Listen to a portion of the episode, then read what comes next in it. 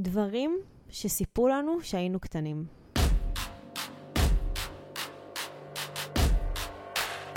ברוכים הבאים למדברים השקעות עם עמית ואגר.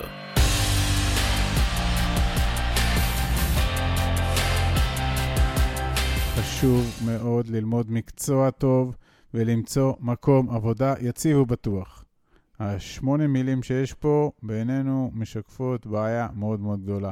יש פה תפיסה שרווחה אצל דור הסבים שלנו ודור ההורים שלנו, שכנראה הייתה נכונה לזמנה, אבל היא דבקה גם בנו, והיא אומרת, תהיה תלמיד מצוין, תלמד את המקצוע הנכון, ותתברג כמה שיותר מהר במקום העבודה הכי יציב והכי בטוח, ותגדל בו ותצמח ותלבלב בו עד היציאה שלך לפנסיה.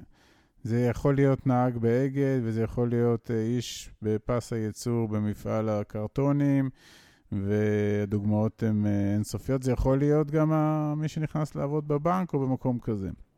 והמונחים כמו קביעות בתפקיד, ביטחון תעסוקתי, שקט פיננסי, הם היו המונחים בראש פירמידת הצרכים, והם האפילו על כל מיני זוטות אחרות כמו שחיקה מעבודה, האם יש עניין בעבודה, האם העבודה גורמת לנו סיפוק, האם העבודה מרגשת אותנו, האם יש לנו הגשמה עצמית בעבודה, האם אנחנו מתפתחים בעבודה, האם אנחנו ממצים את היכולות והכישורים שלנו, האם יש מוביליות בעבודה שבחרנו, האם יש גיוון, האם יש קדמה, האם יש טכנולוגיה, האם יש חדשנות, ועוד שורה ארוכה של נושאים שלמעשה יורדים למטה, יורדים למדרון אחורי, ולא מקבלים מענה בתפיסה של תלמד טוב ותיתפס במקום עבודה יציב ובטוח.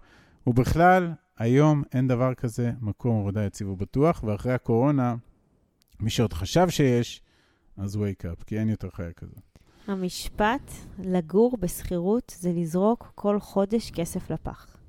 כן, יש כזה משפט מנצח בשיח הישראלי, שלפעמים אה, אלה שרכשו דירה אה, בכל מחיר, לבין אלה שמתגוררים בשכירות, יש כאילו סוג של אה, מלחמה כזאת, שאומרים אה, מה יותר נכון. עכשיו, בתהליך שלנו אנחנו הבנו שנצטרך למקסם את הכספים שלנו לטובת הגדלת ההון העצמי שלנו, ולייצר תזרים מזומנים שהוא מחליף את המשכורות שלנו.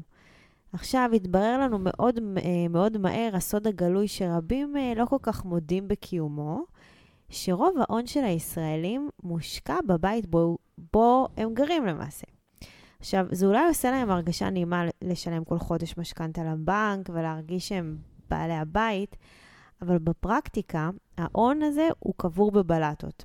הבית בכלל משועבד לבנק, ובטח שאי אפשר לייצר מזה תזרים מזומנים. אנחנו בחרנו להסיט את ההון שלנו מבתים בבעלותנו לבתים בשכירות, ושלחנו את ההון העצמי שלנו להשקעות ברחבי העולם, כדי שהוא יגדיל את עצמו וי... וייצר תזרים מזומנים. כן, כן, חברים, אנחנו מכרנו את הבית שלנו, ומכרנו דירה שהייתה, ואנחנו כיסינו את כל המשכנתאות ואת כל היתרה שנשארה, השקענו במודל שלנו. עכשיו, היום אנחנו משלמים שכר דירה, שבית שאם היינו קונים היה עולה לנו המון כסף. אבל במקום זה ההון שלנו עובד בשבילנו ומגדיל את עצמו. עכשיו, אם היינו רוכשים את הבית שאנחנו גרים בו, המשכנתה שהיינו משלמים כל חודש, היא הייתה גבוהה יותר משכר הדירה שלנו, ומי הנהנה המרכזי מכל ההון הזה שמפוזר ככה? הבנק. הבנק, ולא אנחנו. בול. טוב, אבל יש, יש לזה גם המשך לאותו שיח. אחרי שנגמור את תשלומי המשכנתה, כבר לא יהיו לנו דאגות כלכליות. אז יש ציפייה כזאת שמרחפת סביב הרבה אנשים, רואים איזה בועית כזאת עולה מעל הרבה אנשים, שמרחפת מעליהם בערך 30 שנה. מין יעד כזה בלתי מושג, מין אבן ריחיים על צווארן של מאות אלפי משפחות בישראל, אבן שמכבידה חודש אחרי חודש במשך 20 עד 30 שנה. אני מתכוון כמובן לתשלומי המשכנתה החודשיים. בשנים האלה, של, של תשלומי המשכנתה קורים לאנשים דברים לא כל כך טובים, כמו קבעונות מחשבתיים, קבעונות פיזיים לנכס הזה, שהוא בכלל נטל, ובכלל יש תחושה של ריקון הים בכפית, שאתם מכירים את האלה שמשלמים משכנתה חמש שנים, ואז באים לבדוק בבנק כמה נשאר להם, והם מגלים שבכלל הסכום שהם צריכים להחזיר גדל, כי בגלל החלוקה של הריבית והקרן וכל הדברים האלה. אבל אז, יום אחד זה נגמר. עברו 30 שנה וסיימנו לשלם את המשכנתה. יש מילה אחת שנקראת הללויה. אנחנו כבר נהיה בני 55 ואולי 60, ואתם זוכרים את סוגיית הזמן, שאנחנו מדברים עליו הרבה, עליה הרבה, שהזמן שלנו הולך רק בכיוון אחד. אבל מה אכפת לנו? השתחררנו מהעול המכביד הזה, ועכשיו נגמרו לנו הקשיים הכלכליים במרכאות כפולות. כי אנחנו אומרים, האם באמת עוד 6,000 או 7,000 שקל בחודש שנהגנו לשלם לבנק כל חודש, זה הסכום שיפתור לנו את המצוקות הכלכליות שלנו? כולנו יודעים שלא. זה אמנם סכום נאה, ובטח אפשר לנצל אותו בתבונה, אבל זה ממש לא הסכום שיבטיח לכם חוסן כלכלי לשארית חייכם. ויהיו שיגידו נכון, אבל עכשיו הבית הוא שלנו ב-100%, והוא שווה כבר כמה מיליונים, והוא הביטחון הכלכלי שלנו. אז קודם כל, בהחלט סביר שהבית כבר שווה כמה מיליונים. אבל האם הוא הביטחון הכלכלי? זו גם אמירה בעייתית. בית בתצורתו כבית, יקר ככל שיהיה, עדיין לא משרת את תזרים המזומנים של המשפחה. בית יקר יכול לסייע לנו מאוד ביצירת תזרים מזומנים רק ברגע שנמכור אותו ונהפוך אותו משווה על הנייר לשווה כסף אמיתי. אם מכרנו אותו אחרי 30 שנה ולקחנו שם את כל ההון שצברנו, אז למה בכלל חיכינו 30 שנה? היינו יכולים לתת להון העצמי שלנו לעבוד בשבילנו במשך 30 שנה ולעשות ממנו הרבה יותר כסף והרבה יותר תזרים, וכל ה-30 שנה האלה היינו יכולים לחיות בצורה אחרת. כסף לא גדל על העצים. אז איפה הוא גדל? פרי הדר לא עולה כסף, מנגו, ליצ'י, זיתים לא עולה כסף. ממה החקלאים מתפרנסים? ובכלל ממה עשויים השטרות של הכסף, אם לא עם נייר שמופק מעץ. כמובן שהמשפט הזה מכוון למימד קצת יותר גבוה, ומאחוריו מסתתרת אמירה או אפילו הפחדה שלעשות כסף זו לא משימה קלה בכלל. זה כמו לקטוף פרי בשל מהעץ. ילד שהחוויות המעטות שלו עם כסף הן כולן או רובן בקונוטציה שלילית של מחסור ואין מספיק וזה יקר ולא קל לעשות אותו, יגדל להיות ילד שפוחד מכסף ומביט עליו כמשאב מוגבל וקשה להשגה. לא מדברים על כסף, אתם מכירים את זה? למרבה הפליאה, להורים קשה לדבר עם ילדים שלהם על סקס ועל כסף.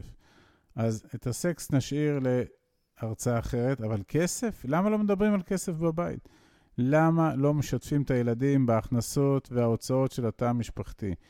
למה לא מסבירים להם מה זה מיסים, ומה זה מע"מ, ומה זה ביטוח לאומי, ומה זה ריבית? למה לא מסבירים להם על חסכונות והשקעות, על מניות ואגרות חוב? כסף, חברים, זה חלק מכללי המשחק שלנו על מגרש המשחקים של החיים.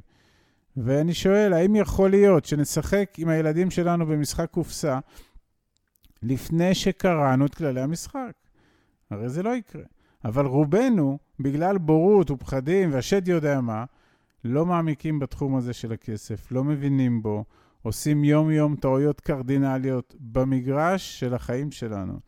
ואחת הטעויות הקשות היא שאנחנו גם לא מנחילים לילדים שלנו כישורים וידע הקשורים בכסף, איך מרוויחים אותו, איך שומרים עליו ואיך מגדילים אותו. אז תדברו עם עצמכם על כסף ותדברו עם הילדים שלכם על כסף. הכי חשוב לקנות בית. ברשימת המכולת של החיים שלנו יש כזה, אתה תהיה טוב בלימודים, תהיה טוב בצבא, תלך מהר ללמוד תואר באקדמיה, תתחתן ותקנה את הבית.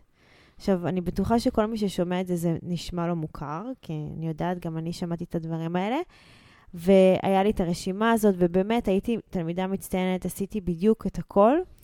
ובגיל 26 סיימתי את כל המטלות שלי, אבל כאן הבנתי יחסית מהר שזה לא רשימת מטלות, אלא זה יותר מסלול מכשולים, כמו המבחן ברור הזה, ש... מבחן ברור של החיים הבוגרים, שאנחנו עושים את הצעדים הראשונים בעולם האמיתי, והוא הגיע בשביל להגן על עצמנו מפני עצמנו. והוא עוד פעם הגיע בשביל לשמר אותנו באיזשהו אזור נוחות שהיה רלוונטי לדעתי עד שנות ה-80 של המאה הקודמת. וב-2022 יחיד אה, או זוג צעיר ממש לא הכי חשוב להם לקנות בית, ובואו נגיד את זה אה, פתוח, ולרוב המכריע גם אין באמת את ההון העצמי בשביל לקנות את הבית הזה. אז יש כאלה משפטים שאנחנו שמענו הרבה שנים בבית, בשכונה, בבית הספר, ולמעשה ברוב המקומות שעיצבו את ההוויה שלנו, המשפטים האלה ונוספים אולי מעלים היום גיחוך וחיוך אצל חלק מהאנשים, אבל הם אחראים ראשיים לעיצוב תודעת חסר בכל הקשור לפיננסים ול-IQ פיננסי שנותר לא מפותח אצל רובנו. תודה רבה.